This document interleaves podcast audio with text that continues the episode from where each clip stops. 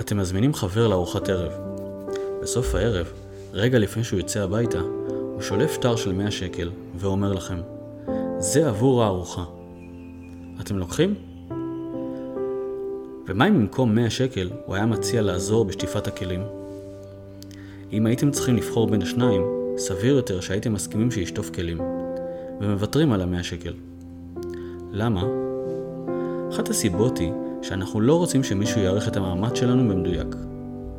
כשמישהו מציע לנו 100 שקל, הוא משקלל את עלות המצרכים שקנינו לארוחה, את מחיר הגז, החשמל והמים שהשקענו בבישול, ובסוף הוא גם מחשב כמה הייתה עולה אותה ארוחה במסעדה. אבל בתפיסה שלנו, הלב זה מה שהשקענו פה, ואנחנו לא מוכנים שישוו את הלב שלנו לקילו מלפפונים או לסלט בארומה. אם היה אפשר למדוד אותנו במדויק, היה אפשר להחליף אותנו במשהו אחר, ולזה אנחנו לא מוכנים. אז למה בעבודה אנחנו מתמקדים בעיקר במה שאפשר למדוד? למה רוב המאמצים שלנו ממוקדים באיך לעשות דברים יותר מהר, יותר הרבה ויותר בזול? אלה דברים שקל למדוד אותנו בהם, ואם אפשר למדוד אותנו, אפשר גם להחליף אותנו בקלות. מתי יהיה קשה להחליף אותך? כשתעשה דברים שאי אפשר למדוד, והם עדיין מביאים ערך.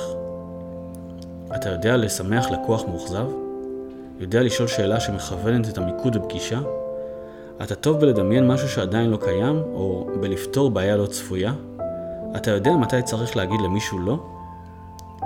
אי אפשר למדוד דברים כאלה, והם גם לא מופיעים בשום רשימת קניות לארוחה או בקורות החיים. אז אולי בזה צריך להשקיע הכי הרבה כדי להיות מישהו בעל ערך?